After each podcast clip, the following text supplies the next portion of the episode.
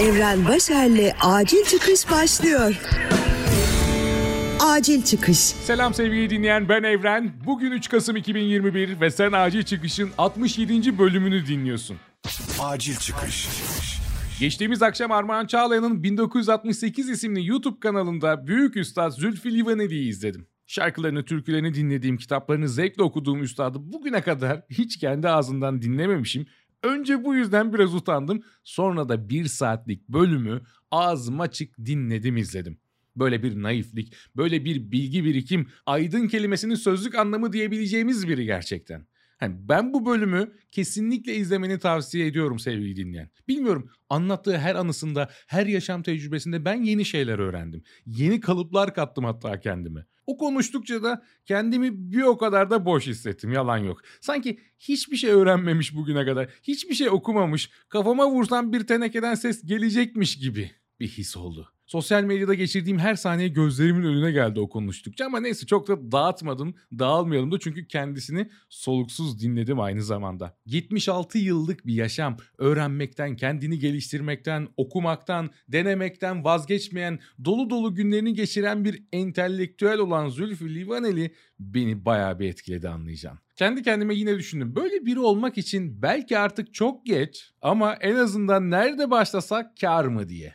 Emin değilim ne kendisinin eğitim altyapısına ne tecrübesine ne de sanatına tabii ki yetişmek mümkün değil. Tam olarak o olmaktan da bahsetmiyorum ama entelektüel bilgi durumu bence biraz aileden ve aldığın eğitimden de başlıyor. Ya sevgili Zülfü Livaneli'nin ailesinde nesiller boyu hakimlik, savcılık ve dolaylı olarak entelektüel bilgi birikimi var. Bunlarla büyümüş, aileden almaya başlamış. E durmamış kendi eğitim programını kendi yapmış, felsefede okumuş, müzikte. Zaten şöyle diyor, besteci Hans Zahler'in bir sözünü okumuştum. Sadece müzikten anlayan kişi müziği de anlayamaz. Bu söz benim düsturum oldu. Bu sözlerini ve çok yönlü meraklı bir insan olmak hakkında dediklerini kendi sesinden dinleteceğim şimdi sana sevgili dinleyen. Zülfü Livaneli'nin konuşmasını dinlemek de çok keyifli çünkü. Bir iki dakika müsaadeni istiyorum. Onun sesinden düşüncelerini duy. Acil çıkış. Ben meraklı bir insanım. En çok beni tarif edecek şey meraktır. Yani üstüme vazife olan olmayan her şeye meraklıyım. Meraklı, araştırma. Ne gibi değişik konuları okuduğumu görseniz şaşırırsınız. Hayatı merak ediyorum. Müzik nereye geldi merak ediyorum. R&B şimdi şu anda nasıl yapılıyor? Yeni neler var onları merak ediyorum. Sosyal medyayı merak ediyorum. Tıbbı merak ediyorum. Tıptaki gelişmeleri. Harvard'da bir doktor arkadaşım var. Onun şifresini aldım. PubMed diye bir siteye girip durmadan yeni araştırmalar okuyorum.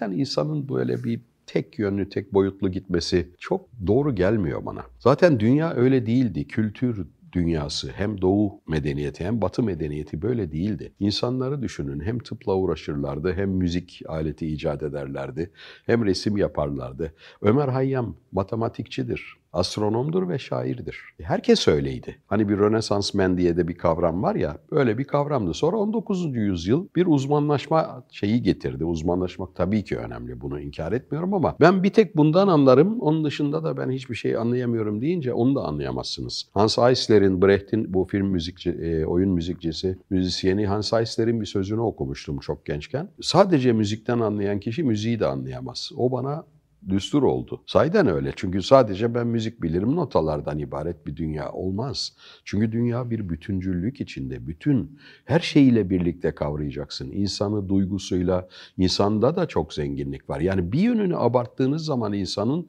olmuyor. Mesela edebiyatta her insanın tabii hayatında aşk da var, öfke de var, kavga da var, kıskançlık da var, seks de var, her türlü şey var. Bunlardan birisini çekip abartırsanız işte biz ona diyoruz ki bu pornografik roman, bu işte polis yönünü ele alıyor, bu bilmem ne yönünü. Edebiyat tümünü kavradığı zaman edebiyat oluyor insanın. O yüzden e, dünyayı bir bütüncüllük içinde gören bir insanım ben. Yani hiç o ayrımları da anlamam zaten. Acil çıkış. Ya sevgili dinleyen duydun değil mi? Çok yönlü olmak, kendini geliştirmek ve Anahtar sözlerden biri de şu meraklı olmak. Yani dediğim gibi programın tamamını 1968 YouTube kanalından izleyebilirsiniz. Onu bir kez daha söyleyeyim. Ben en yakın zamanda kendi hayatını kaleme aldığı Sevdalı mı Hayat kitabında sesli olarak dinlemeye başlayacağım. Daha kendisinden öğreneceğim belli ki çok şey var.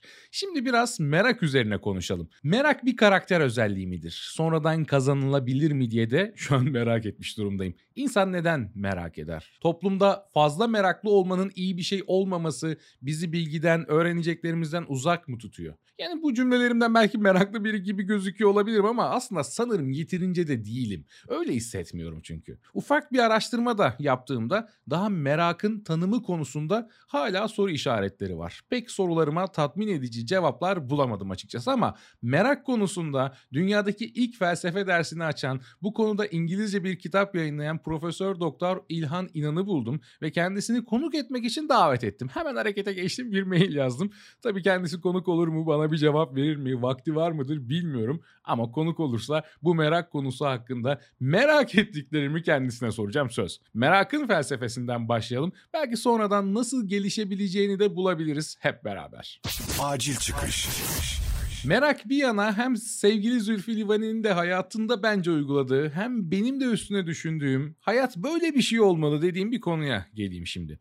O da eyleme geçmek. Dünya ünlü birçok dergide yazıları yayınlanan Thomas Opong'un daha iyi bir yaşam %80 eylem, %20 akıllı düşünmektir isimli yazısından alıntılar yapacağım bu bölümde. Yine meraklı olmak bence çok öncelik ama eyleme geçmenin, harekete geçmenin de ne kadar önemli olduğunu biz yine iyice bir kavrayalım istiyorum. Şu anda bulunduğunuz yerle gelecekte olmak istediğiniz yer için ne yapmak istediğiniz hususunda farkı kapatmanın tek yolu tutarlı bir şekilde doğru eylemlerde bulunmaktır diye başlamış Thomas. Harekete geçmeyi seçme sorumluluğunu göstermek, fedakarlık ve çokça cesaret gerektiren bir seçimdir. Hiç kimse pratikte kendi benliğinize kıyasla sizi daha fazlasını yapmaya zorlayamaz. Kendinizi bir şeyi yapamayacağınıza ikna etmek yerine gerçek ilerlemeyi veya çok daha iyi bir yaşamı garanti eden doğru fırsatlara, alışkanlıklara, rutinlere ve davranışlara evet deyin. Evet, daha fazlasını yaratmak için.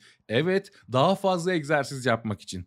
Evet, daha iyi kitaplar okumak için. Hayat boyu öğrenmeyi evet. Her gün en iyi halinizi kucaklamak için evet. En başarılı insanlar yapanlardır. Aynı anda hem öğrenir hem harekete geçerler. Warren Buffett çok okuyor mesela ama aynı zamanda çok da para kazanıyor. Hem eylemi hem de düşünceyi dengeli yaşıyor. İşini ve kişisel servetini büyütmek için alışkanlıklar, ritüeller ve rutinler geliştiriyor. Rahatsız olsa bile öğrendiklerini uyguluyor. Başarılı kişiler eylemlerinden yola çıkarak öğrenmeye açık kişiliklerdir. Deneyimden daha iyi öğrenirler ve daha iyi kanıt veya bilgi bulduklarında fikirlerini değiştirmekten çekinmezler. Ama bilgi tuzağına dikkat edin.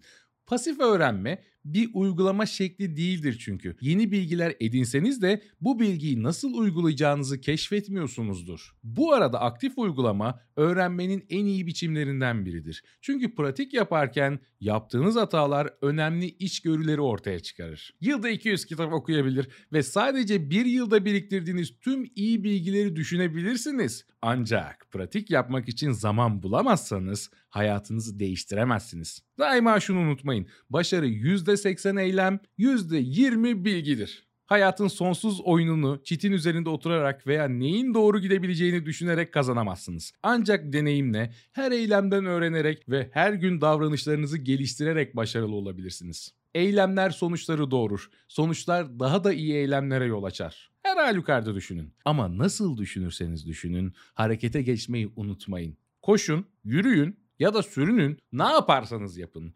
Gelecekteki benliğiniz doğrultusunda hareket etmeyi asla unutmayın diye altını çizmiş Thomas. Genelde burası benim sesli günlüğüm gibi olduğundan kendime yüklenmekten, duygularımı paylaşmaktan pek kaçınmıyorum sevgili dinleyen. Bazen kendime aşırı yüklenmiş de olabiliyorum. Ama fark ettiysen bu hafta podcast konusunda oldukça aktifim çünkü içimde bir harekete geçme enerjisi var. Bunu hissettiğim an durmuyorum. Üretiyorum. Başka bir şey harcamıyorum. Sen beni dinliyorsun. Ben okuduklarımı paylaşarak daha çok öğreniyorum. Bundan da hep bahsediyorum. Burası benim için bir öğrenme süreci aynı zamanda. Podcast hazırlarken çünkü düşünüyorum. Sonra eyleme geçiyorum ve tada işte burada. Tada'yı tam vurgulayamadım sana. Tada! Eh, şimdi daha güzel oldu. Neyse ama bak bu benim için yeterli de değil. Bunun sınırı nedir? Onu da bilmiyorum. Onu keşfetmeye çalışıyorum. Belki disiplin bende şu an eksik olan ama disiplinde bambaşka ve zor bir konu benim için. Bunun üzerine de okumalarımıza, podcastlerimize, çalışmalarımıza devam edeceğiz. Söz veriyorum. Enerjimiz oldukça öğrenmeye devam. Yani 63. bölümde ne demiştim? Motivasyon bir zaman sorunu değildir. Bir enerji sorunudur diye. Enerjimizi ayarlıyoruz, motivasyonu sağlıyoruz ve harekete devam ediyoruz. Hadi ben kaçtım. Şu an beni hangi platformdan dinliyorsun bilmiyorum ama bulunduğum platform üzerinden beni takip edersen de motivasyon enerjime bir katkıda bulunabilirsin. Haberin olsun. Teşekkürler. Görüşürüz. Acil çıkış. Evren Başer'le acil çıkış sona erdi. Acil çıkış.